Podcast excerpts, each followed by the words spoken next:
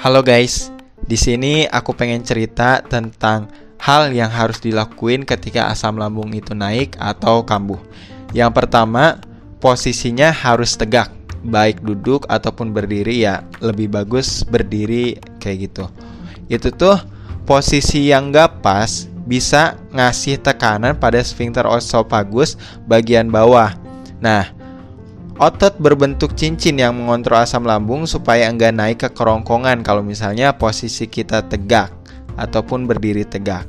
Yang kedua adalah coba kalau misalnya kita itu lagi pakai baju yang ketat ataupun celana ketat itu coba dilonggarkan.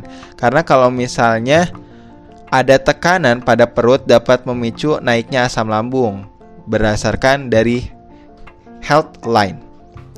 Terus yang ketiga adalah kalau misalnya ada permen karet, kunyah permen karet.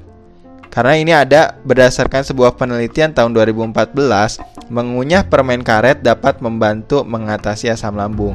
Lalu yang selanjutnya dan yang terakhir ataupun yang keempat adalah minum obat.